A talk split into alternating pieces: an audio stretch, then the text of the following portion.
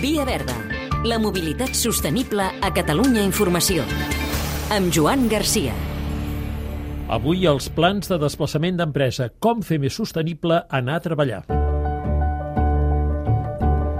Pla de desplaçament d'empresa conjunt d'actuacions per optimitzar la mobilitat dels treballadors i visitants, afavorint l'ús de modes de transports alternatius al vehicle privat. Xavier Codina, responsable de projectes de mobilitat d'Ancesis La Bola, empresa especialitzada en sostenibilitat. Qui l'ha de tenir? Hi ha un requeriment legal en l'àmbit metropolità de Barcelona. Empreses de més de 500 treballadors estan obligades a fer el seu pla de desplaçament d'empresa, però, per exemple, des de l'Autoritat del Transport Metropolità volen i bonifiquen una part d'aquests aquest, plans de desplaçament d'empresa eh, fixant el llindar 10 vegades per sota, a partir de 50 treballadors. Per tant, a partir de que el volum és, comença a ser una mica important, és bo d'afegir-hi gestió per millorar la mobilitat. Maneres de fomentar un transport diferent. Tinc una xarxa nutrida de transport públic i puc actuar amb sinergia. Doncs puc eh, fomentar l'ús del transport públic, per exemple, amb, eh, fomentant el tiquet transport dels treballadors o informant, perquè en molts casos potser és el primer escull que, que ens solem trobar, de dir, el desconeixement a vegades ens aboca el, el, el treballador eh, o treballadora en l'ús del vehicle privat. Informant, eh, obrim més aquest ventall. Un recurs de compartir cotxe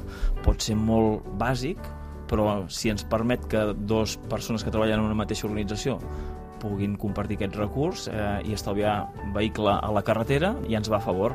Una visió d'empresa. Dins l'estratègia de responsabilitat social és un element molt important perquè a vegades eh, se centren molts esforços en, en estalviar paper, vigilar amb l'aigua, però si mirem la petjada de carboni de la mobilitat casa-treball, a vegades multiplica per dos, per tres, la del consum energètic, la de la mobilitat del centre de treball amb, els, amb la flota pròpia, etc. Per tant, penso que és una, un element a tenir molt present, això. Exemples a Catalunya, el polígon de Can Sant Joan a Sant Cugat del Vallès i l'Hospital de Can Ruti a Badalona. Hi ha unes 80, un centenar d'organitzacions a Catalunya que disposen d'un pla de desplaçament d'empresa. Alguna empresa terciària del sector de, de l'àmbit de Can Sant Joan L'estratègia clau era potenciar molt el teletreball. Suposava doncs, un estalvi d'un 20% de la mobilitat dels desplaçaments. Altres, doncs, a Can Ruti eh, s'ha implementat un bus llançadora pels treballadors. Ens complementa l'oferta de transport públic i ens permet eh, intentar fer un traspàs del vehicle privat cap al transport col·lectiu.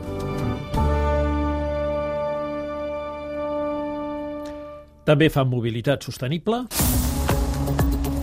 La Generalitat amb l'Ajuntament de Vallirana, al Baix Llobregat. El servei a la demanda del bus urbà de Vallirana va fer créixer el nombre de viatgers en més d'un 46% l'any passat. És el servei a demanda amb més parades de tot Catalunya, fins a 87 punts possibles.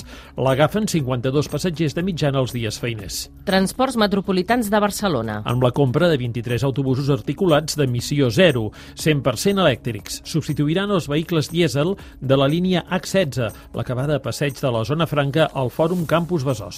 I Renfe? L'augment de viatgers a Renfe l'any passat ha evitat prop de 50 milions de quilòmetres en vehicle privat a l'àrea metropolitana de Barcelona respecte a l'any anterior. El 2019, Renfe va transportar 128 milions i mig de passatgers al servei de Rodalies a tot Catalunya, que equival a un estalvi de gairebé un milió i mig de tones de CO2. L'ús compartit del cotxe redueix tantes vegades com el nombre de viatgers que hi van el consum d'energia i d'emissions. S'ocupa menys espai viari públic i es redueixen costos. Via Verda, disponible al podcast i a catradio.cat.